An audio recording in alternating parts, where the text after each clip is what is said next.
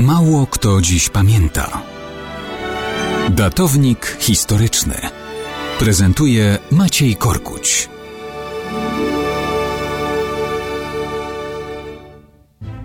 Choć Rosja dzisiaj na ulicach Moskwy celebruje swoją wersję stalinowskiej propagandy, w Europie częściej przypomina się moment ogłoszenia tzw. Tak planu Roberta Schumana z 9 maja 1950 roku. Zapoczątkował on powstanie Europejskiej Wspólnoty Węgla i Stali. To niewątpliwie ciekawa i ważna rocznica, chociaż nierzadko odczytywana jako wyraz miłości, współpracy i przełamywania uprzedzeń pomiędzy Francuzami a Niemcami. Niewiele to ma wspólnego z faktami, podobnie jak dostrzeganie w tej pierwszej wspólnocie przedsięwzięcia gospodarczego. Było zupełnie inaczej. Pięć lat po wojnie Francja miała w pamięci, że Niemcy pod władzą Hitlera zaledwie w ciągu sześciu lat w latach 30.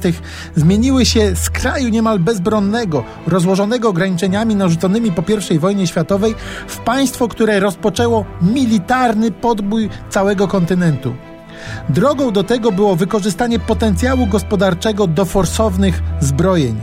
Ich podstawą był przemysł wydobywczy węgla i produkcja stali. Po wojnie Francuzi obawiali się odbudowy Niemiec. Chcieli jak najdłużej Niemców trzymać pod butem alianckiej okupacji, żeby znowu jakiś Hitler nie użył niemieckiego potencjału do zbrojeń i podboju. Ale to nie Francuzi decydowali. USA i Brytyjczycy nie mieli traumy okupacji. Niemcy były pokonane, a zagrożenie widzieli w ekspansji komunizmu. Woleli mieć potencjalny front nowej wojny na Łabie niż na Atlantyku. Dążyli do odbudowy Europy łącznie z Niemcami i ich armią.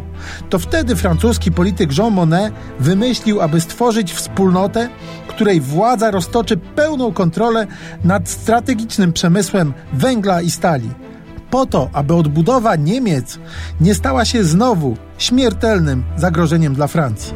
Miłości w tym związku nie było. Strach przed Niemcami jak najbardziej.